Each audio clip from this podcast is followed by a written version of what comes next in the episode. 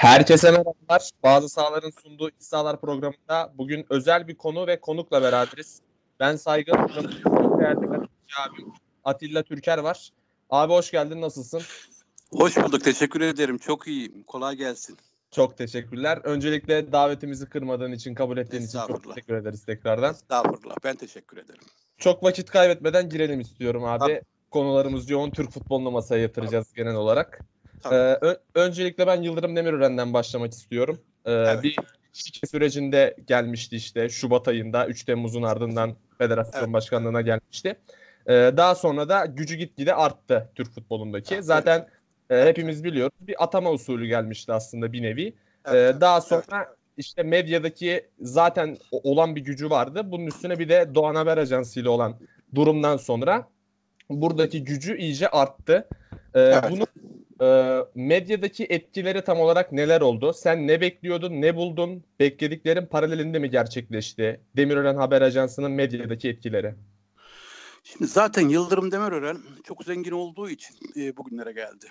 Yani zamanında e, Beşiktaş kulübü yöneticisi olması, Beşiktaş kulübü başkanlığına oturması tamamıyla maddi gücü ve çok saygın bir aileden gelmesi sonucu oluştu. Beşiktaş'ta başarılı mı oldu? Hayır. Son derece başarısız oldu. Yani neye dayanarak söylüyorum? Yaptığı transferler, harcadığı paralar, boşa giden milyonlar kulübü borç batağı altına soktu.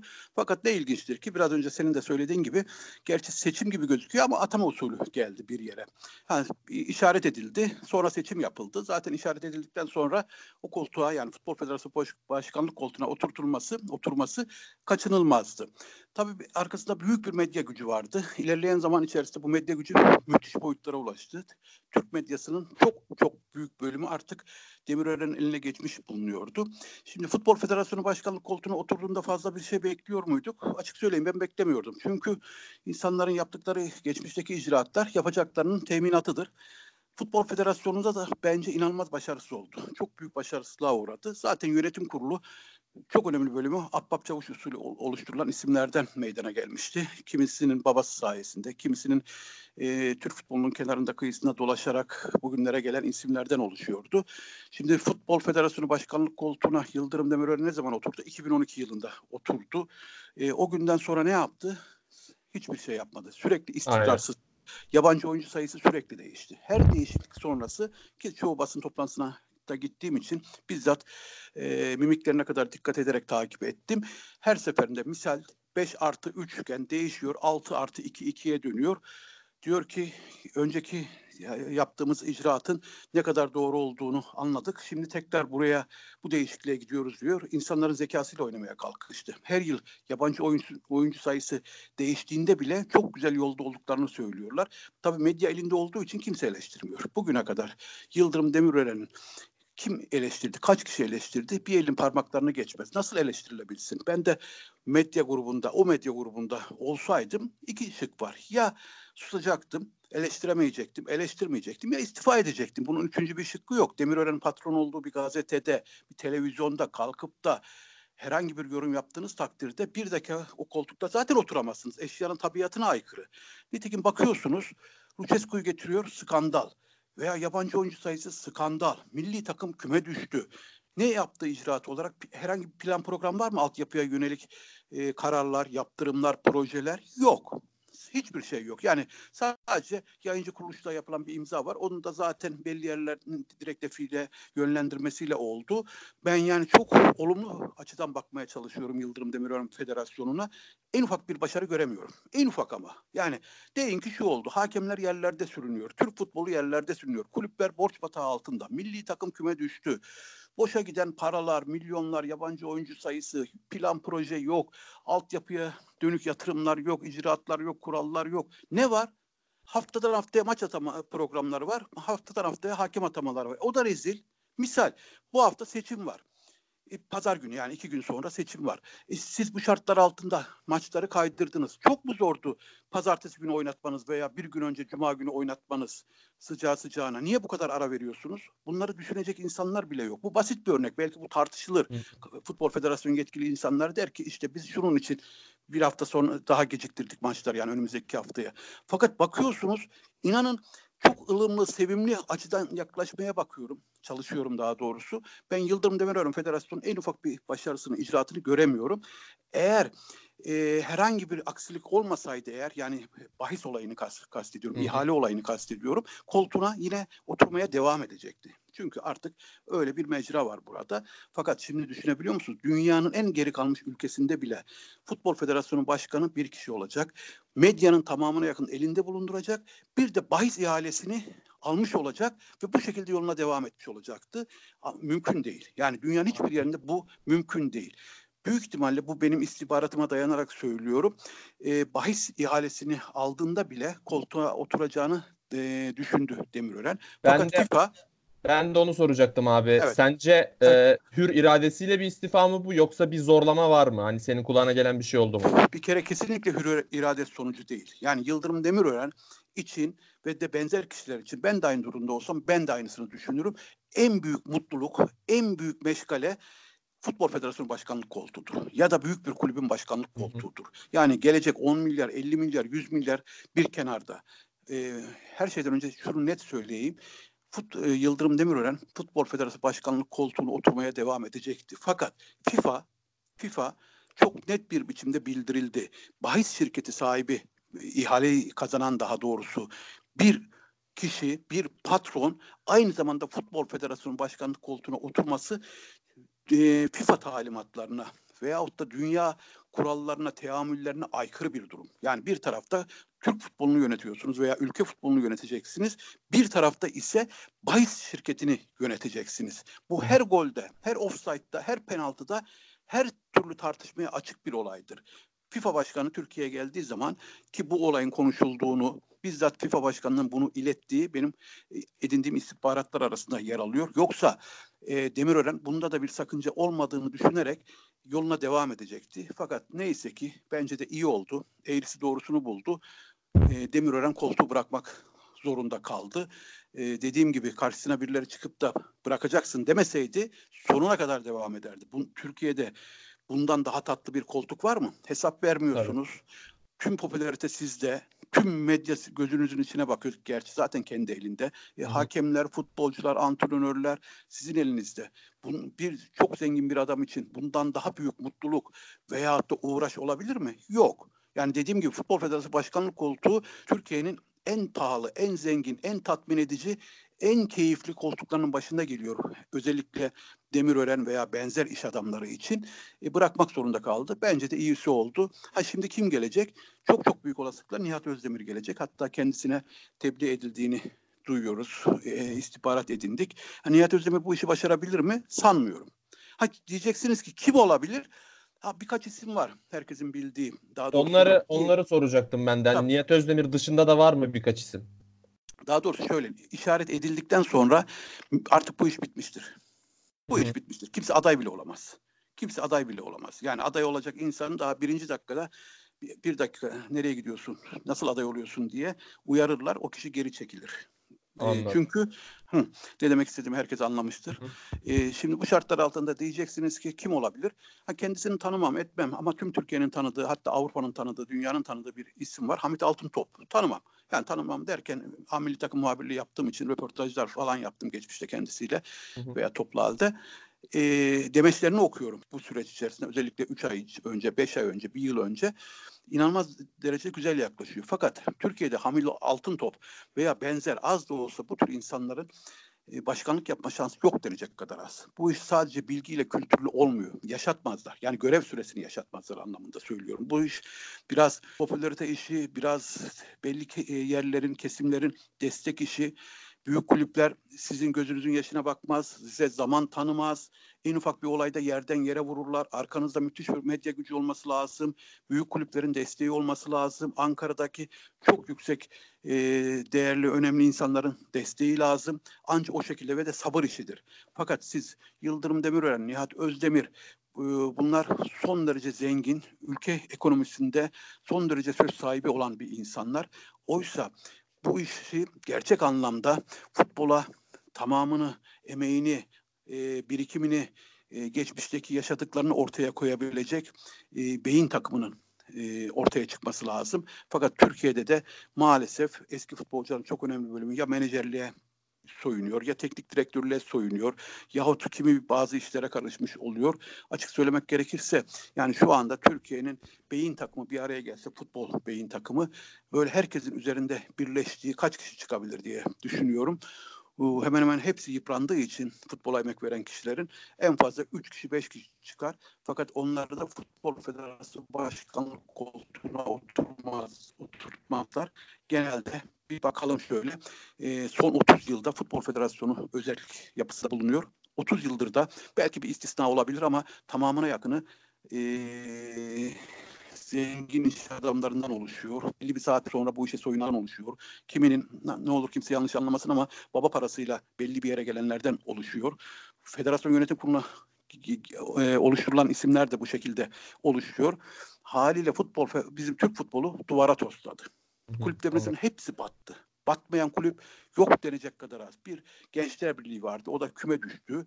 E şimdi o da borç batağında. Ben Gençler Birliği'ne biraz yakınımdır. Profesyonel takımda futbol oynadım Gençler Birliği'nin. Biliyorum özellikle son zamanlarda da deplasmandaki maçlara kendi e, imkanlarımla gezmek için gidiyorum. E, şimdi o da borç batağında. E, bakıyorsunuz bir Altın Ordu'nun dışında veya e, aklımıza gelmeyen veya duymadığımız bir iki kulübün dışında borç batağı altında olmayan var mı? Yok. İnanılmaz bir denetimsizlik var, cehalet var, soygun var son 3-5 yıldır tamamen ülke futbolundaki soygunları yazmaya gayret ediyorum. Evet, görevimiz gereği veya yazmaya gayret ediyoruz diyelim belli arkadaşlarla. Bunu Türk futbol soygunları Türk futbolundaki herkes biliyor. Bunu Ali Koç'tan Mustafa Cengiz'ine veya e, Sayın, Sayın Ağoğlu'ndan aklınıza kim Fikret Orman'ına tüm Anadolu kulüpleri başkanları, yöneticileri, teknik direktörleri, futbolcuları, gazetecileri herkes biliyor. Ben bunu biliyor derken neye dayanarak söylüyorum? Şuna, dayanarak söylüyorum. Herhangi bir yerde karşılaştığımızda sağ olsun Mustafa Cengiz tebrik ediyor. Yazdığınız yazılardan dolayı Atilla Bey tebrik ederim diyor. Veya Fikret Orman sağ olsun ara sıra basın toplantılarında benim adımı anıyor. Veya Trabzonspor'la ilgili haberlerle ilgili orayla direkt iletişim kuruyoruz. Veya Ali Koç'un yaklaşımını falan fazla detaya girmek istemiyorum. Veya bir Anadolu'ya gittiğimiz zaman veya telefonlar, mailler, mesajlar, şunlar bunlar tüm kulüpler, tüm yöneticiler herkes bunu biliyor. Fakat Türk futbolunda inanılmaz bir kulüp yöneticileri özellikle ve de menajerler arasında yapılan maalesef e, kötü ilişkiler, sağlıksız ilişkiler var. E, 1 liralık futbolcuyu veya şöyle söyleyelim 1 milyon liralık futbolcuyu 3 milyon liraya 10 milyon liraya satılıyor. Bu 10 milyonun en az 7 milyonu 8 milyonu belli menajerlerin cebine giriyor. Yani futbolcu 1 milyon alıyor fakat sözleşme 10 milyon üzerinden imzalanıyor. Sonra e, o para futbolcunun hesabına doğal olarak yatıyor banka hesabına veya işte belli bir şekilde çek senet anlamında. Racon gereği futbolcu tabii e, yapılan sözlü anlaşma veya yazılı anlaşma gereği aradaki o 8 milyonu 9 milyonu tekrar menajere veya menajerin adamlarına veya yöneticiye yöneticinin adamlarına Mar Marshall Adaları'nda Dubai'deki hesaplara yatırılıyor. Bu belgeli bu bilgili onlara, herkes bunu... Onlara gelelim birazdan abi. abi. İstiyorsan biraz daha e, yani federasyon başkanlığı üzerinden gideceğim ama daha sonra tamam. başka bir konuya geçeceğiz. E, tamam. Fikret Orman'ın da adı mesela federasyon başkanlığı için acaba olur mu olmaz mı diye anılmıştı. Senin kulağına böyle bir şey geldi mi? Kendisinin bir niyeti var mıydı? Bir fikir sahibi Şimdi şöyle. Mi? Şimdi öyle bir e, durum duyum tabii ki kulağıma geldi. Ama e, önü tıkandı biraz önce söylediğim e, cümlelerden dolayı. Yani Nihat Özdemir işaret edildi ve tabii. artık kapandı mı o konu? E, gayet tabii. Bence kapandı. Çünkü Nihat Özdemir'e bir, bizzat hazır ol bu işe soyun e, sen olacaksın dendiğini camiada çok net ve sık bir şekilde dile getiriliyor. Eğer Nihat Özdemir işaret edilmemiş olsaydı e, kim olabilirdi? E, Kulüpler Birliği Başkanı olarak yani Kulüpler Birliği Başkanı e, çok önemli mevki. E, tüm niye önemli mevki? Her şeyden önce oyların tamamına yakını Kulüpler Birliği'nin e, hegemonya demeyeyim ama kontrolünde bulunuyor. Hı hı. Nihayetinde 300 delege var. Futbol Federasyonu'nda 301, 302 değişiyor. Ölüme kalıma göre değişiyor. 300 delege yuvarlak olarak söyleyeyim. Sadece Fikret Orman'ın başkanlığını yaptığı Kulüpler Birliği'nin delege sayısı sadece ve sadece her bir kulübün 7'şer delegesi olduğuna göre 18'de 7'yi çarptığımız zaman 126 ediyor yanılmıyorsam. E bunun alt ligleri de var. Bir anda 250 oy ediyor. Bitti. Bitti bu şekilde. Fikret Orman da zaten bunu istiyordu. İstemez mi? Yani işte Beşiktaş'ı batıran Beşiktaş'ı bu duruma getiren, Beşiktaş'ın e, borçlarını ödeyemez duruma gelen, getiren Fikret Orman ve ekibi istemez mi Futbol Federasyonu Başkanı'na gelmeyi? Tabii ki Oraya ister. da oraya da gelelim istiyorsan abi. Fikret Orman'ın çok popüler olduğu bir zamanda sen bu haberleri yaptın. Hani Evet. e, bir feda döneminin arkasına Şenol Güneş'le beraber iki şampiyonluk, işte başarılı transferler, oyuncu satışları, artan gelirlerle beraber Fikret Orman dokunulmaz bir noktaya gelmişti aslında. Evet. Ve Türkiye'de de biliyoruz hani dokunulmaz birine, çok güçlü birine karşı e, aleyhte haber yapabilmek pek rastladığımız bir şey değil. E, Değil. sen ilk olarak yanlış hatırlamıyorsam Mitrovic transferiyle ilgili Evet doğru. bir haberin Doğru. olmuştu İyi senin. Doğru. Daha sonra takip eden yaz ayında e, Negredo transferiyle alakalı bir sıkıntı yazmıştın. doğru, Onunla alakalı doğru, problem olduğunu. Doğru. E, doğru. Beşiktaş'ın transferleriyle alakalı genel olarak zaten bir Ahmet Bulut etkisinden bahsediliyor Evet, sürekli doğru. olarak. E, doğru. Beşiktaş'ın bu transferlerinde menajerlerle olan durumu nedir? Buradaki e, yani yöneticiler bu işlerin direkt içinde mi sana kalırsa neler düşünüyorsun? Bana göre direkt içinde her şeyden önce e, şöyle legal yapılan işlerde bile çok önemli bölümü Ahmet Bulut ve Metin Korkmaz üzerinden e, sürdürülüyor. E, legal yapılan işlere saygımız sonsuzdur. Yani Ahmet Bulut'un e, son 3 yılda, 4 yılda, 5 yılda kaç tane futbolcuyla ilgili getirdiğini çok net ben biliyorum. Henüz anları daha yazmadım ama e, o kadar çok konu olduğu için yazmaya sıra gelmedi anlamında söylüyorum. E, Şimdi e, Metin Korkmaz'ı zaten Türk futbolu yakından tanıyor. Çok zat muhterem, çok değerlidir kendisi. E, kamuoyunun takdirine bırakıyorum. E, şimdi e, Mitrovic transferi başlı başına bir olay yazdım. Senin dediğin gibi kendi ülkesinde 100 bin euroya futbol oynayan bir insana burada Beşiktaş'ta 1 milyon 200 bin euro üzerinden sözleşme imzalandı. Bonservis ücreti, menajerlik ücreti şu falan derken inanılmaz bir para karşılığında transfer edildi ki daha önce Beşiktaş transfer etmeden önce e, diğer bazı ülkemizdeki çok değerli kulüpler çok ucuza Beşiktaş'ın aldığının çok çok altında teklif edildiği e, bilgileri çok net bir biçimde bizzat konuşarak öğrendim. Hadi bunu da geçelim. Negredo olayını sen de hatırlattın. Negredo olayı işte üç buçuk yıllık imzalandı. Ü- 4 milyon 350 bin euro üzerinden imzalandı. Ben hatta o zamanlar şunu yazdım. Fenerbahçe ve Galatasaray'a bedava bonservis karşılığında önerilen ve alınmayan Negredo Beşiktaş 2,5 milyon euro ödedi diye. Hatta Fikret Orman e, kürsüye çıktı. E, beni işaret etti. Haberimi okudu. Dava açacağım dedi. Gazeteci dediğin haysiyetli, şerefli, onurlu olur dedi. E, zaman içerisinde gördük nelerin ne olduğunu. Hatta sonra ba- başka bir basın toplantısında Atilla Türker şöhret ettik dedi. Burası önemli değil ama şunu söyledi. Haftaya dedi Negredo'nun menajeri gelecek dedi. Haftaya menajeri gelecek dedi. Belgeleriyle birlikte bunu Ma- Mayıs ayında söyledi yanılmıyorsam. Yani 10 ay önce söyledi. Negredo'nun menajeri hala gelecek. Hala gelmedi. Geçelim bunu.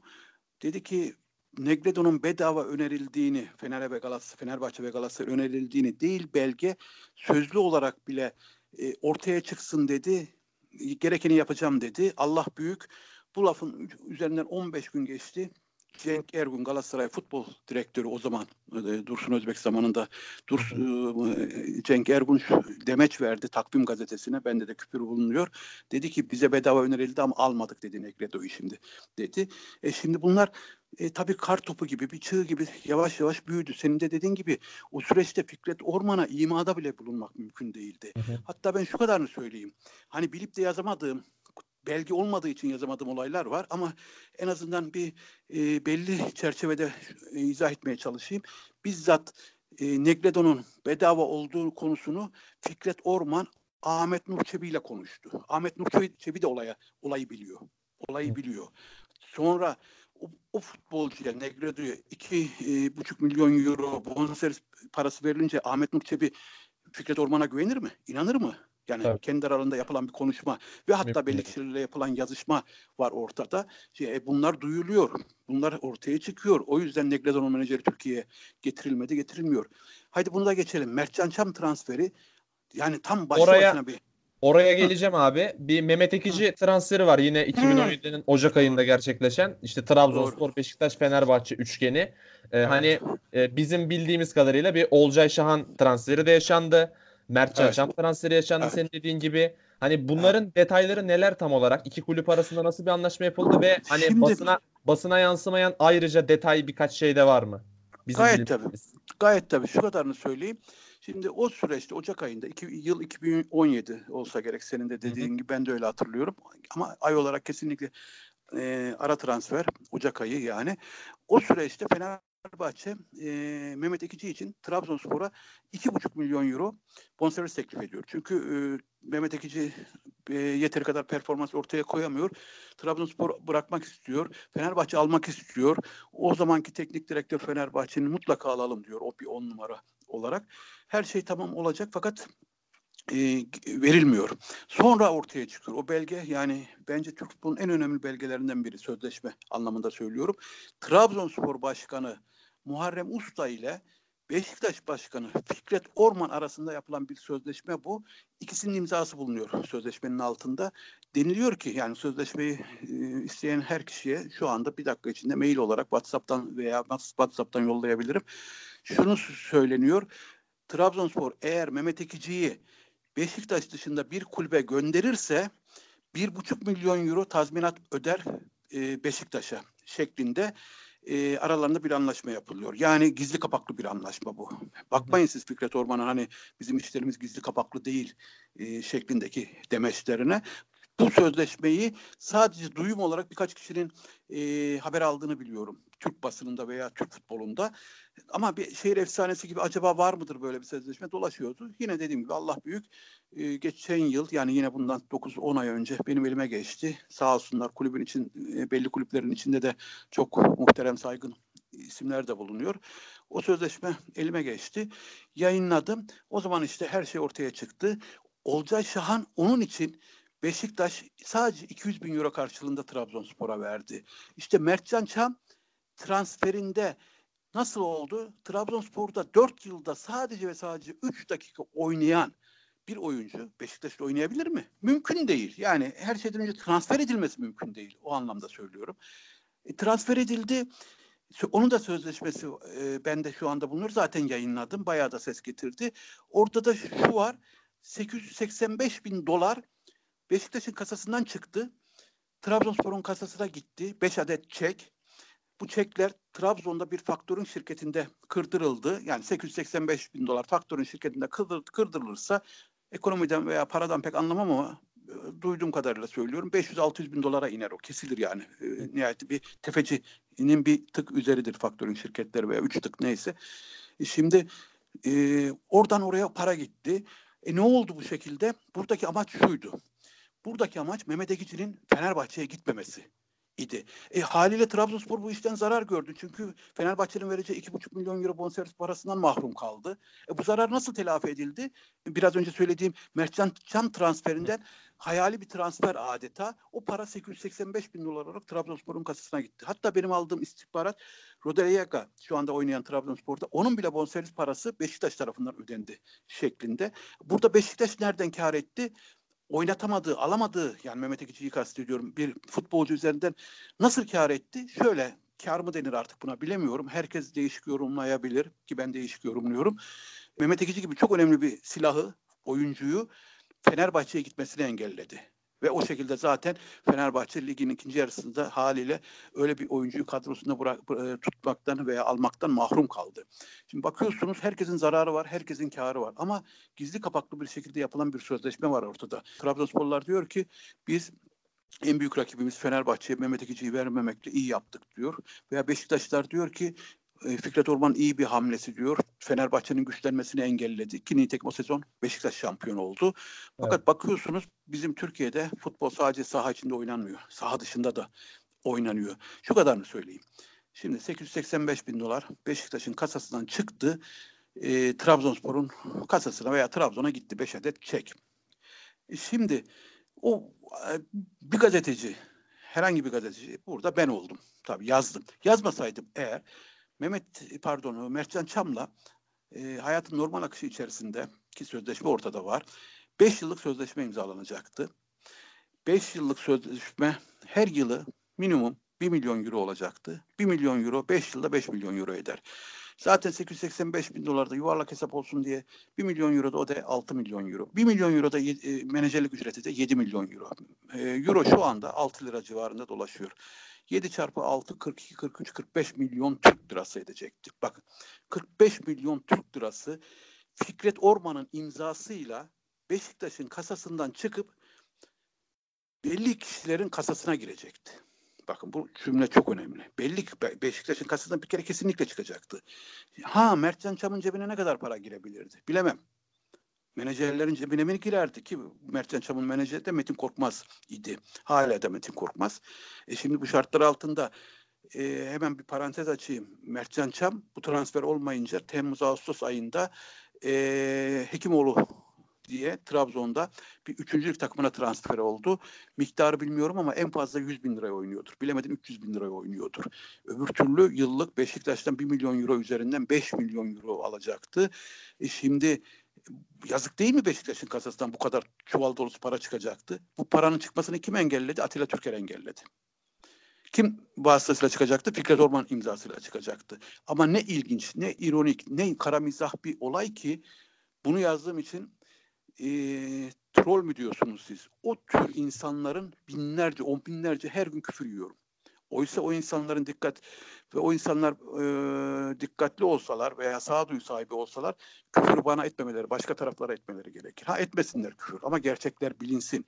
Biz Muhtemelen Beşiktaş Muhtemelen haberi yapmasaydın transfer gerçekleşecekti zaten. Yüzde yüz. Zaten protokolü için protokol yapıldı. Vazgeçme falan yok denildi. Vazgeçerse para yanar denildi. Hatta Fikret Orman e, bu süreçte yine Mart, Nisan, Mayıs aylarında basın toplantısında Fatih Doğan sordu.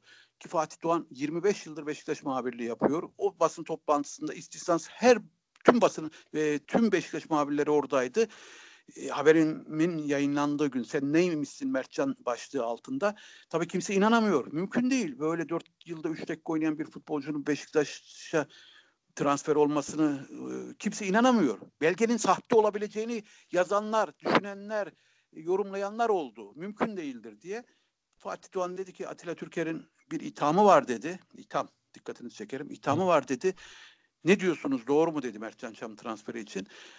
Fikret Orman'a. Fikret Orman düzenledi çünkü basın toplantısını. Fikret Orman son derece mülayim bir şekilde dedi ki zamanı gelince açıklarız dedi. Atilla Türker'i şöhret yaptık dedi. Siz değerli Beşiktaş muhabirleriyle bizler dedi işte güzel e, bir süreç yürütüyoruz dedi.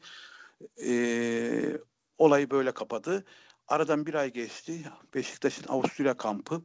Orada sohbet toplantısında laf artık nereden nereye geldi bilemiyorum ama Fikret Orman şunu söyledi basın mensuplarına. Dedi ki e, Mertcan Çam e, sözleşme kurallarına uymadığı için vazgeçtik transferden dedi. Tabii bu medya düştü sabah veya öğlen. Öğleden sonra Mertcan Çam Instagram hesabından e, bir ileti yolladı. Dedi ki benim yüzümü, gözümü, saçımı nerede gördünüz dedi. Beni görmeden hem aldınız hem vazgeçtiniz dedi. Bir de gülücük yolladı. E, şimdi tam bir kara mizah. Yani şimdi Mertcan Çam oradan resmen e, dalgasını geçiyor kendi çapında. Fikret Orman suskun kalıyor, konuşamıyor. E şimdi bunlar hepsi üst üste bindi. Yani şimdi dediğim gibi yazık olmayacak mıydı e, Beşiktaş'ın kasasından çıkacak en az 5, 6, 7 milyon euroyu? Onu bir gazeteci önledi. Keşke diğer kulüplerde veya Beşiktaş'taki diğer bu tür atraksiyonlarda başka gazeteciler önlese. Ondan Tabii. sonra e, Beşiktaş'la Beşiktaş'la alakalı e, birkaç haber daha yaptın aslında. Sadece bunlarla kısıtlı kalmadı. Tabii tabii. Otopark e, olayı. E, evet aynen onlara da geleceğim. E, önce Umut Güner olayına girmek istiyorum. Hı hı hı. E, Bak, Umut Güner'de Umut Güner'de e, bir sahte belgeyle evet. yöneticiliğinin sağlanması için genel kurul üyeliği yeterli sürede olmadığı için yöneticilik yapabilmesi için evet. e, bir voleybolcu e, lisansı düzenlendi kendisine. Evet. Siz bunu belgeleriyle ortaya koydunuz yine. Bununla evet. alakalı da bir yalanlama gelemedi zaten. Yok hani yok. Daha, daha, daha sonra kabul edilmek durumunda kaldı. Herkes de biliyor mevzuyu. Yani Tabii. sizce e, bu ortaya çıktıktan sonra e, Beşiktaş Genel Kurulu içerisinde bir hareketlenme olması gerekmez miydi? Yani Umut Güner'in yöneticiliğiyle alakalı bu sahte evrakla alakalı bir düzenlemeye gidilmesi gerekmez miydi? Bir yaptırım niye olmadı yani bu noktada sizce? Vallahi benim aldığım istihbarat veya iyi kötü Galatasaray'da, Fenerbahçe'de, Trabzonspor'da da böyle çok çok samimi olmasa da çok sayıda insanla temas halindeyim. En azından yazanlar var, telefonla arayanlar var, konuştuğumuz kişiler var, sanal ortam var. Valla benim hem istihbaratım hem kanaatim doğrultusunda şunu söylüyorum. Özellikle Galatasaray, Fenerbahçe'de olsaydı veya Trabzonspor'da bu iş taş üstünde taş kalmazdı. Ee, Beşiktaş'ta işleyiş daha değişik oluyor. Ha Galatasaray'da işleyiş veya Fenerbahçe'de çok mu düzgün? Tartışılır veya değil.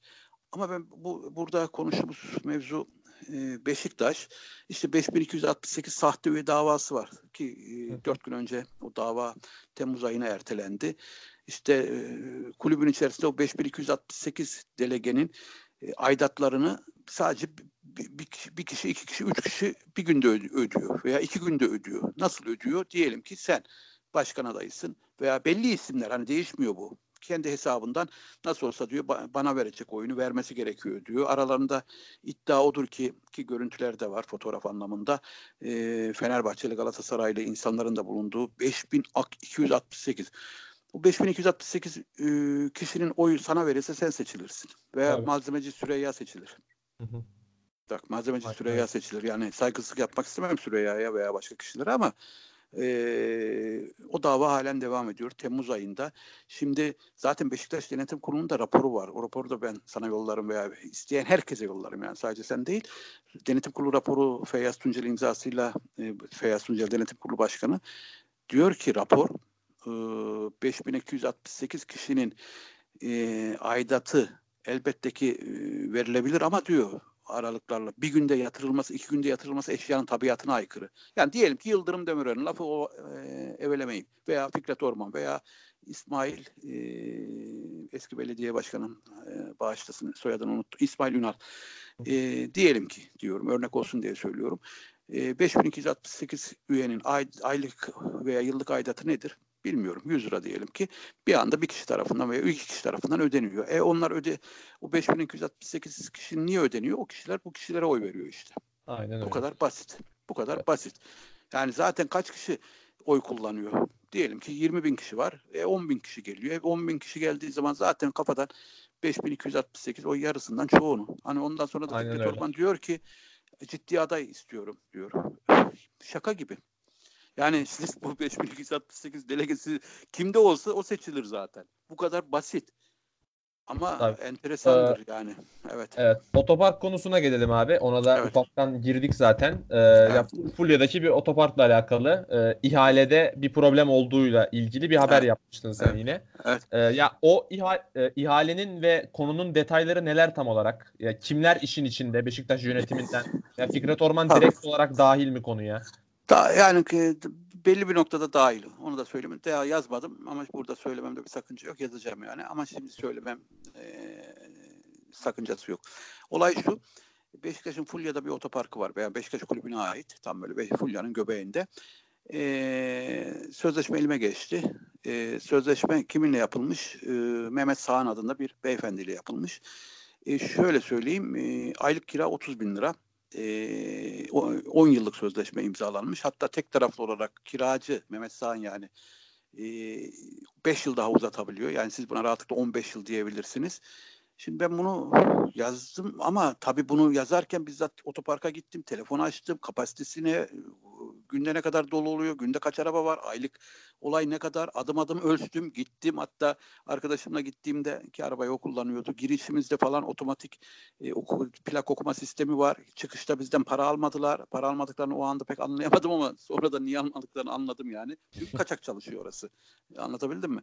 E, sonra günlük e, oranın kapasitesi 2500 araç. E, şimdi çok e, basit bakkal hesabı da olsa basit bir hesapla bile oranın günlük cirosunun 35-40 bin liradan aşağıya inmediğini ki içinde e, donanımlı bir e, yık, yıkama, yağlama, pastel, boya gibi işlerin yapıldığı son derece lüks bir sistem var. E, şimdi günlük 35-40 bin liranın e, bir kazanç, daha doğrusu cironun olduğu bir yer var ama aylık kira 30 bin lira. E şimdi siz bir anda bakıyorsunuz orada para basıyor. Ve hatta işte Allah'ın işi haberi yazdım e, otopark skandalı falan diye. Beşiktaş kulübü bana aynı gün açıklama yolladı. Gel sana bir milyon liraya verelim diye. Bende bir milyon lira yok. Yani hiçbir gazeteci de o yani yoktur emekçi bir gazeteci. Sadece gazetecilik yapan gazetecilerde bir milyon lira olmaz. Bu kadar net. Sonrasında ben de cevap yazdım aynı gün. Bir milyon liram yok ama dedim kendi yandaşınıza e, yılda 360 bin liraya peşkeş çekiyorsunuz da niye benden bir milyon lira istiyorsunuz diye cevap verdim. E, sonra e, onlar tabii bir daha cevap veremedi. Verilecek bir durum yok. Bir hafta aradan geçti veya üç gün aradan geçti. Eski sözleşme elime geçti. 10 yıl önceki ilk sözleşme daha doğrusu. İlk sözleşme 10 yıl önce bir kiracıyla yapılıyor. O sözleşme elime geçti. O sözleşmenin de aylık kira 80 bin lira. Ve KDV'si de var. Yani KDV dahil e, yuvarlak hesap söylüyorum 90 bin lira aylık e, kira. Burada ise sadece 30 bin lira bakın. 10 yıl önce 90 bin lira olan kira şimdi 30 bin lira. Buraya kadar inanılmaz bir skandal. Oysa meğer e, bundan sonra daha büyük skandalmış. Yazdıktan sonra tabii belgeler geliyor, bilgiler geliyor. Arayanlar, aramayanlar, tanımadığım insanlar be, e, belli iletilerle bilgilendiriyor. Ki bu otoparkı kiralayan şirketin adı Fulya. Adamlar o kadar işi garanti almışlar ki Fulya'daki o otopark alabilme garanti gördükleri için şirketlerin kurdukları şirketin adını Fulya. 17 gün önce kurulmuş. İhale falan yok ihale falan yok. Kurmuşlar şirketi. 17 gün sonra da sözleşmeyi imzalamışlar Beşiktaş Kulübü. İnanılmaz bir skandal. Meğer bundan sonrası daha büyük skandalmış. Çünkü bu Mehmet Sağ'ın ortağı Şafak Mahmut Yazıcıoğlu'nun abisi çıktı. Başka bir şirkette. Hmm. Ticaret Sicil Gazetesi'nde de belgesi var. Bende de halen belgesi var. Aa dedik nasıl abisi olabilir? İnanamıyorum. Ee, bak resmen başka bir şirkette diyelim ki ikinci otoparkta değil de başka bir şirkette e, Mehmet Sağan'la bu beyefendinin e, şey, Celal Yazıcı Celal Mahmut Yazıcıoğlu Şafak'ın abisi. Şafak Mahmut Yazıcı'nın abisi. Vay dedik yine skandal falan. Skandal üstüne skandal bitmiyor. Bu sefer bir baktık bu otopark şirketinin adresi Şafak'ın e, Mahmut Yazıcıoğlu'nun aynı adresi. Hukuk bürosunun adresi. Yani, yani direkt direkt işin içindeler. yani bu kadar. Evet. Yani inanılacak gibi değil. E bunları yazdık falan sağ olsun TRT'ye çıkarttılar Şafak Mahmut Yazıcıoğlu'nu. Hı hı. E ben nereden bilirdim diyor 17 gün önce kurulduğunu. E ben Atilla Türker olarak iki dakikada öğreniyorum. Sen nasıl öğrenemiyorsun Sayın Mahmut Yazıcıoğlu? Çok basit evet. öğrenmesi. Aynen öyle. Yani üstelik elinizde bir hukukçu ordusu var. Bak avukat ordusu demiyorum. Hukukçu ordusu var. Hakimi, eski hakimler, tetikçi hakimler. Yani hiç kimse kusura bakmasın. Yani yaşadığım için biliyorum. Gece yarısı kendi bünyelerinde çalışan eski bir hakim şimdi doğal olarak avukatlık şu anda avukatlık yapıyor. Gece yarısı bana her türlü terbiyesi yaptı ama ağzının payını da aldı. Yani e, resmen köşe yazısıyla ağzının payını aldı benim yazdığım köşe yazısıyla tabii.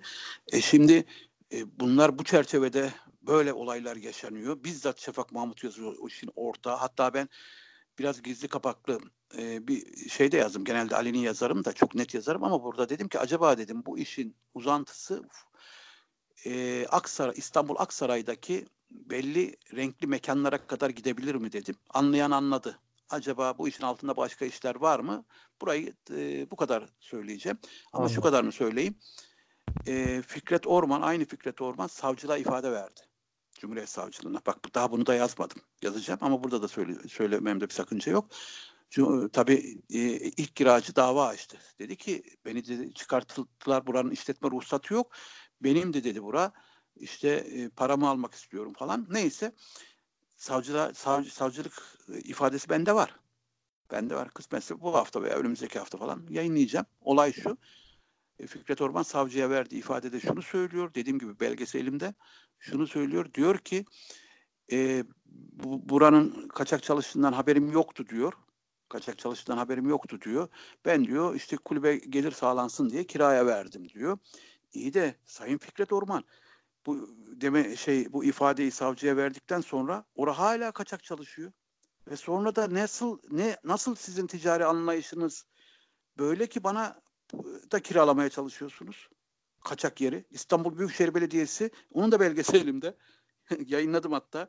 Oraya mühür vurdu. İki kere o mühür kırılmış. Bak imzalı Büyükşehir Belediyesi'nin kaşesi var ve orası şu anda kaçak çalışıyor. Yani bir kaza bela olsa Allah korusun kimse altından kalkamaz. Yani hem vicdani kalkamaz hem maddi manevi kalkamaz. Yazık günah. Ora kaçak adı üzerinde. Belediye işletme ruhsatı vermiyor. Niye vermiyor? Ora toplu alan. Ora çünkü çok büyük bir site.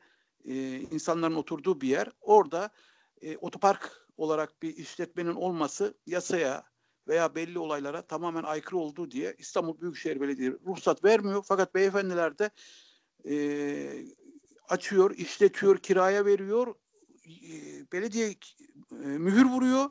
Belgeler dediğim gibi elimde. Fakat bunlar yine mühürü kırıyor. Tabii patron kırmaz bu işlerde. Tetikçiler vardır. Gider birisi. Ben de bunlar bu işin takip ederken öğrendim yani böyle tetikçilerin olduğunu. Birisi gidiyor kırıyor. Yarın bir gün sahibi veya işletmecisi mahkemeye çıktığında veya savcıya ifade verdiğinde benim haberim yoktu benden habersiz girmişler falan diyecek tabii. Böyle bir sistem. Yani Fikret Orman hani diyor ya Beşiktaş kulübü daha doğrusu gel Atilla Türker sana bir milyon liraya verelim diye. Ben de eş dost aradı Atilla para toplayalım kiralayalım işletelim kazanırız falan diye. Benim 36 yıldır sadece ve sadece patronundan muavirlik dışında para kazancım olmadı Allah'a şükür. Ee, o işe girmedim ama düşünebiliyor musun? Girsem eş dostla birlikte ortak bir yerden para bulup da bize belediyenin kapattığı, mühürlediği otoparkı tırnak içinde söyleyeceğim yani kimse yanlış anlamasın iteleyeceklerdi. Hı hı. Anladım. Yani, Peki çok... abi bu Fikret Orman'la alakalı konuyu şöyle kapatalım yavaştan.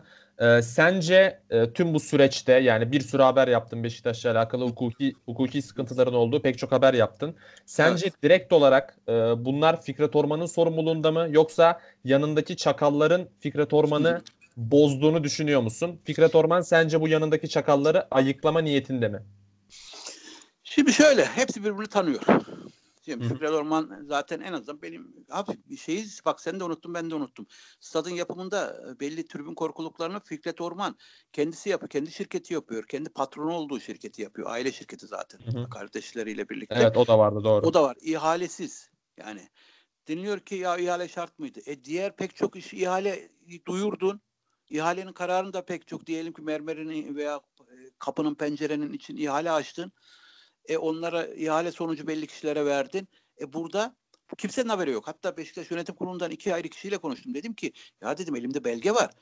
E, kaşe şeyin kaşesi Fikret Orban'ın sahibi olduğu Orsan şirketinin kaşesi, kaşesi nasıl olur dedim. Yani bu her etik anlamda aykırı. Ha yasal anlamda ne derece aykırı o tartışılır. Nedir bu dedim. Beşiktaş Yönetim Kurulu üyelerinin haberi yok biliyor musun? Yaptım aldım 2 milyon liraya indirdim. Ha açıl, aç, açıklansın.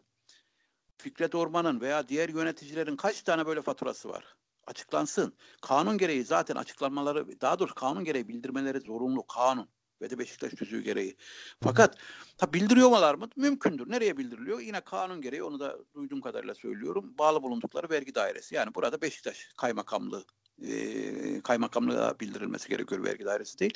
Diyelim ki Fikret Orman görev başladı 2012 yılında ne kadardı serveti? Misal diye söylüyorum. Bankada 10 milyon lirası vardı veya 10 lirası vardı. Onu her insan bildirir. Ben de Türkiye Spor Yazarlar Derneği'nde üst düzey yöneticilik yaptım. İlk toplantıda sekreter hanım veya görevli arkadaşımız geldi. Önümüze koydum al beyanını. Yani kimse yanlış anlamasın da sadece adımı ve imzamı attım bıraktım. Ee, bu. Ha sonra görevden ayrılırken veyahut da görevde bulunduğun süre içerisindeki e, hareketlenmeler olduğu zaman bile kanun gereği bildirmen gerekiyor kaymakamlığa. E, bildirmişler midir? Mümkündür. Fakat sadece kaymakamlığa değil, kamuoyuna bildirmeleri gerekiyor. Şu anda Fikret Orman gizli zengin mi? Misal veya e, parasını kulübeme yatırdı. Açıklansın. Yani en azından benim gibi münafıkların sesi kesilsin. Veya taksiye bindiğin kime, bir, binin herhangi bir taksiye veya tribünler niye Fikret Orman paralar nerede diye bağırıyor açıklansın. Çok mu zor? Eskiden olsaydı yani internet yoktu, kulüplerin resmi sitesi yoktu, bir şey yoktu, zordu. Veyahut da gazeteler yayınlar yayınlamaz. Şimdi dünyanın en basit olayı. Bana cevap ver, verdikleri gibi hemen internet sitesinin Beşiktaş e, internet sitesine yayınlansın. Denilsin ki Mitrovic'e şu kadar verildi, menajerine şu verildi. Öbür taraftan işte şu yöneticiye şu verildi, şu yönetici bunu aldı falan diye kalem kalem böyle tek tek açıklansın. Yemek parası, patlıcan parası falan hani patlıcan işin esprisi ama tek tek kalem kalem açıklansın. Beşiktaş'ta Fikret Orman paralar nerede tezahüratı dünyanın en ağır tezahüratıdır. Çünkü onun Kesinlikle, evet. o tezahürat sadece para e, niye bizim kulüpte para yok e, mesajı taşımıyor. Ne demek istediğimi herkes anlıyor. Daha doğrusu evet. zaten yoksa Fenerbahçe'de daha büyük borç var. Galatasaray'da daha büyük borç var. Ama niye Fikret Orman paralar nerede diye bağırılıyor? Çünkü herkesin kafasında soru işareti var. O soru işaretlerinin kalkması lazım. Yarın bir gün kulüpten ayrıldığı zaman, başkanlığı bıraktığı zaman bile arkasından gidecek o tezahürat. Aynen ben öyle. Fikret Orman'ın yerinde olsam tık diye açıklarım. Ama ben, sen, başkası açıklar. Fikret Hı-hı. Orman bak hala aradan geçti. Bu tezahürat e, 4 ay önce falan yapıldı. Yanlış hatırlamıyorsam. Hala e, tatmin edici bir icraat var mı? Açıklama var mı? Yok. Yok. Yok. Mal beyanı, mal, e, servet beyanı var mı? Kamuoyunu açık. Yok. Umut Yok, Güner açık, Umut Güner açıklasın, Şafak Mahmut Yazıcıoğlu açıklasın, Ahmet Kavalcı açıklasın, denetim kurulu üyeleri açıklasın. Açıklasın. Gazeteciler de açıklasın. Her gazeteci açıklasın. Yani evet. en azından futbolun içindeki tüm aktörler açıklasın veya kendine güvenen açıklasın arkadaş. Fikret Orman desin ki işte dediğim gibi ilk başladım 2012 şu ayda 10 bin lira 10 milyondu neyse şu anda diyelim 300 milyon lirası mı var yoksa 10 bin lirayı da mı kaybetti? Bu kadar basit abi. Yani yoksa 30 yıl sonra bile arkasından gider. Bu Aynen öyle. şey e, tartışma. Ben Fikret Orman'ın yerinde olsam açıklarım ama ama yine Fikret Orman'ın yerinde olsam biraz zor açıklarım. İstersen e, diğer kulüplere de bir geçelim. Onların da durumunun Tabii. pek hoş olmadığını zaten konuşmuştuk en başında söylemiştin. Evet. Yani Kara, işte alt ligde Karabük Spor'un onunla ilgili de bir haberim vardı zaten. Eskişehir Spor'un, Elazığ Spor'un düştüğü durumlar ortada şu anda. Ee, daha önceden de bir Cihan Asamoah transferi yazmıştın hatta Bursa Spor, evet, evet, Spor menajer ilişkileriyle alakalı. Evet. Ben öncelikle bir Trabzonspor üzerinde bir şey sormak istiyorum. Trabzonspor'da da çok fazla oyuncu gittiği, geldiği bir dönem oldu. İşte Hacı Osmanoğlu ve e, Muharrem Usta dönemlerinde özellikle ve kulüp şu anda bir transfer yasağıyla başa çıkmaya çalışıyor. E, öncelikle Trabzonspor özelinden gideceğim. Hani orada da senin bildiğin, kulağına gelen bu menajerlerle ilgili kirli bir durum var mı? Bir de genel olarak Türk futbolunda sence e, bu işin merkezinde yöneticiler mi var? Yoksa menajerler mi yönetiyor artık bu işi? Şunu söyleyeyim. Bu iş menajerlerle kulüp yöneticiler arasında oluyor. Ha, teknik direktörler veya antrenörler bu işe dahil mi veya gazeteciler? Ha, belli kişiler gazeteci anlamında veya antrenör anlamında olabilir. Özellikle antrenörler de belli bir ön seviyede olabilir. Ama asıl olay, asıl aktörler bu kirli işler kulüp yöneticileriyle e, menajerler arasında oluyor. Tabii ki bu işi son derece düzgün, az da olsa e, sayı olarak yapan, e, düzgün yapan menajerler ve kulüp yöneticileri de var. Fakat çok önemli bölüm maalesef ya e, kötü icraatlar, kötü niyetli icraatlar içinde. Çünkü bu işler kapalı kapılar ardında oluyor. Sen ben veya başkası bakkaldan 2 kilo elma veya 3 kilo bilmem ne alırken hangisi daha ucuz diye konuşurken e, bunlar kapalı kapılar ardında 1 milyon liralık futbolcuyu 10 milyon lira yazıyorlar. Bunu herkes biliyor. Bunu ben neye dayanarak söylüyorum? İşte biraz önce sohbetimizin başında aktarmaya çalıştığım gibi e, bunu piyasadaki tüm aktörler birbirini tanıyor. Yani Türk futboluna yön veren veya yön veren demeyeyim ön planda bulunan 100 kişi varsa ben 100'ünün 90'ını veya 80'ini tanırım. İster istemez görev gereği konuşuyoruz. E şimdi bu şartlar altında kimin kime ne verdiğini zaten kimse kimseye söylemiyor. Yani e, belli bir sözleşme imzalanıyor. Futbolcu işte Güney Afrika'dan geliyor veya e, Batı bilmem nereden geliyor. Kadroya katılıyor. E, sözleşme imzalanıyor. Ne kadar imzalandı bilinmiyor. Bir de belli medyadaki yalakalar varsa eğer ki var. Onlar da diyor ki işte Avrupa'nın bilmem ne en iyi sağ beki geldi, sol beki geldi falan diye cilalama yapılıyor. Bakmışsınız 1 milyon lira etmeyecek futbolcu 10 milyon liraya gelmiş. E, kulüpler ve üstüne basarak söylüyorum aradaki o 8-10 milyon lira 9 milyon lira belli kişilerin cebine giriyor. Şimdi bu şartlar altında kulüpler batmaz mı? Çuval dolusu para geliyor. Avrupa ekonomisinin hep övünerek söyleriz, söylüyorlar en büyük altıncı ekonomisi yani en büyük zaten beş tanesini biliyoruz İngiltere, Fransa, Almanya, İtalya e, şeklinde hı hı. E, ülkeler var. Sonra biz geliyormuşuz. E iyi de batan biziz bu nasıl oluyor? Haydi diyelim ki çalmadılar. Hiç kimse yani temizleri bir tarafa mutlaka bırakıyorum. Kimseye saygısızlık yapmak istemem. Diyelim ki e, hepsi düzgün icraat yaptı. E, o zaman battık, battık, batırdılar. E, batıranlar da işte hala koltukta. Hala kimi federasyon başkanlığı peşinde. Kimi federasyon başkanlığını yeni bıraktı. Kimi 20 yıl sonra koltuktan zorla indirildi.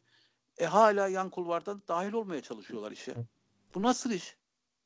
Yani evet. herkes iyi kötü bir sirkülasyon oluyor. Fakat kulüp başkanları yani hepsi gizli zengin. Veya cepten lafa gelince cebimizden para veriyoruz. O eskidendi. Eskiden zengin müteahhitler falan kulüp başkanı olurdu, yönetici olurdu. Şimdi e, bu kişiler işte ne güzel dünyayı dolaşıyorlar. İşte medyanın önündesin, tribünler bağırıyor. Sen de kulübü batırıyorsun. Hesap verme yok, kitap verme yok. Böyle bir dünya. tamamına yakını böyle işte Trabzonspor'da. Çıksın İbrahim Hacı Osmanoğlu o süreçte kimleri aldı, kimleri verdi, menajerlerine kaptırıldı. Muharrem Usta işte tamam şeffaflık, dürüstlük diyorsun da Mehmet Ekici'nin sözleşmesi, Mertcan'ın sözleşmesi veya ona benzer Metin Korkmaz kanalıyla kaç oyuncu alındı, verildi, satıldı. Kulüp nasıl gırtlağına kadar borç batağı içine sokuldu. Trabzonspor'un kasası Türk futbolda en fazla soyulanların arasında yer alıyor. Hemen hemen her futbolcuyla 4 yıl 5 yıl sözleşme imzalanmış. Her menajere çuval dolusu belgesi var hepsinin. Çünkü. Trabzonspor'da bir uygulama değişik. Tek Trabzonspor'da yapılıyor bu uygulama. Nedir bu? Ee, her kongrede, Mali Genel Kurul'da bile yani her yıl yapılır Mali Genel Kurul'da bile bir kitapçık dağıtılıyor. Orada hangi futbolcuya ne kadar verildi, bonservisi ne, menajere ne verildi, giden futbolcuya da ne alındı bonservis ücreti veya menajerlik ücreti diye. Hepsi tek tek yazılı. Bu büyük Trabzonspor'un e, samimi, saf, temiz yaklaşımından geliyor bu tabii. Diğer kulüpler bunu yapar mı? Mümkün değil. Diğer kulüplerin hepsi gizli kapaklı. E, Trabzonspor'da bakıyorsunuz her bir futbolcuyla 4 yıl 5 yıl imzalanmış.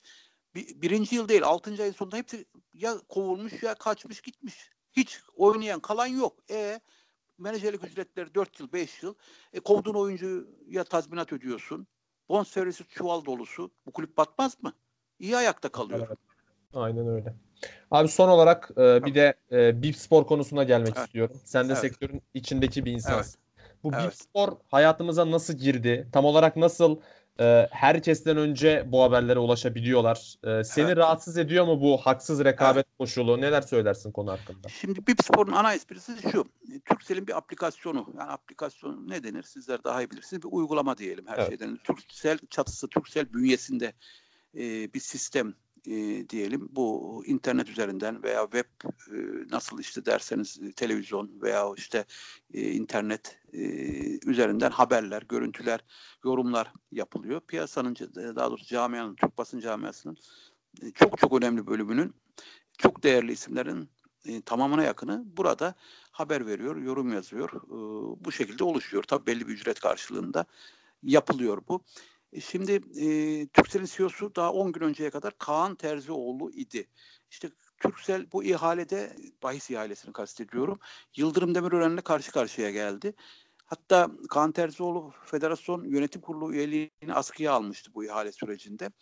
Şimdi Kaan Terzioğlu Futbol Federasyonu Yönetim Kurulu üyesi olduğu için e, BIP Spor'un da dolaylı yoldan da veya direkt yoldan da patronu konumunda e şimdi siz bu şartlar altında e, Futbol Federasyonu aleyhine bir yazı yazmanız mümkün mü? Bana pek mümkün gözükmüyor. Zaten patronda Yıldırım Demirören. Zaten federasyonun ben hiç 3 yıldır 5 yıldır tek satır bilemediniz. Bir kişi, iki kişi yazıyor, üç kişi yok. Hatırlamıyorum. Varsa birisi çıksın söylesin işte şunu da şu kişi de yazdı, şu kişi de konuştu diye.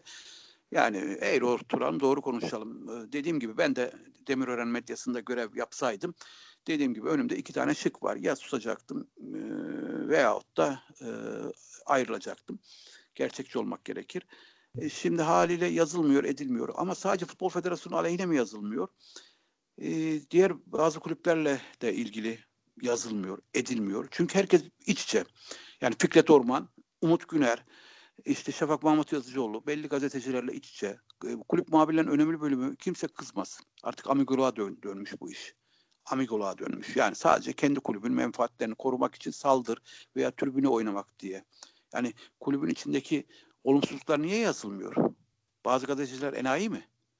Yani kamuoyunun bilgilendirme, kamuoyunun aydınlanma e, görevi yok mu? Veya hakkı yok yani mu? Türk Var. futbolunda toz pembe bir hava varmış gibi. E, e, gayet tabii kimse yazamıyor. Evet. Ha, şimdi sen de kulüp muhabiri olsan veya ben de yazdığın takdirde kulüp pardon gazetenin spor müdürü onu yayınlar mı? De ki gazetenin spor müdürü de yayınladı. De ki genel yayın yönetmeni de yayınladı. E patron Yıldırım Demirören veyahut da Fikret Orman'la Yıldırım Demirören kanka veya işte ona benzer hepsi iç içe veyahut işte doğal olarak öyle bir süreç istiyor ki e, yani herkes kol kola, sır sırta işte Galatasaray eski başkanı veya e, işte Trabzonspor'un eski başkanı anlamında. E şimdi bu şartlar altında sizler e, çok net bir şekilde eleştirebilir misiniz? Mümkün değil. E, haliyle iç içe olduğunuz için de en taze haberi e, siz alıyorsunuz. E, muhabirler, emekçi muhabirler kimse darılmasın ama bypass. Yani e, saf dışı bırakılmış oluyor. Ne oluyor? Sen Fikret Orman, siz Fikret Orman olsanız Beşiktaş muhabiriyle muhatap olur musunuz? Olmam. Direkt Bip Spor'daki belli kişilerle muhabbet, muhabbet kurarım ben. Muhatap olurum ben. O, muhabir o zaman ne yapacak? Evinde oturacak. Haber yazamayacak. Belli kişilerin etrafında bu iş dönecek. E şimdi tamam istihdam sağlanıyor belli e, müdürlere, yazarlara, kişilere, muhabirlere. Ama tamam saygı duyuyorum. Nihayetinde bir e, bu profesyonel bir iştir. Hepsi de tırnaklarıyla kazıya kazıya bu günlere geldiler. O müdürler, o muhabirler, bir sporda hep yazarlar. Ama keşke şöyle de olsaydı. Emekçi kardeşlerimizi, genç muhabirlere, genç foto genç veya yaşlı hiç fark etmez foto muhabirlerine de istihdam sağlansaydı. Yani onlar 10 lira alacağına 2 lirada genç arkadaşlara camiadaki şu anda evinde kara kara düşünen insanlara da o 2, 10 liranın 2 lirası yine o emekçi evinde oturan kovulan e, insanlara verilseydi. Yine 6 lirasını 7 lirası başkasına alsaydı. Daha adil olmaz mıydı? Daha düzgün olmaz mıydı? O istihdam gerçek anlamda böyle sağlanmaz mıydı? Tabii. Yani o, o zaman daha da adil bir mecra olurdu. Yani en azından ne bileyim belli insanlar yine belli şeyleri yazabilme özgürlüğünde olurdu. Şu anda kimse yazabiliyor mu? Yok. Yok yazamıyor. Yani kim? Deyin ki bana Türk basınında iki kişi yazıyor. Erman Toroğlu hariç. Misal. Yani günah e, haksızlık yapmayayım da de ki iki kişi daha yazıyor. Üç kişi daha yazıyor. E, Amerikalı e, bir önemli bir gazetecinin lafıdır en azından ben öyle biliyorum ama laf şöyle. Gazetecilik mesafe koyma sanatıdır. Yeri geldiği zaman en yakınızdaki insana bile yazabilecek mesafeyi korumanız gerekiyor. Öyle çok girift ilişkiler yaptığınız takdirde zaman içerisinde iki tarafta zararlı olur.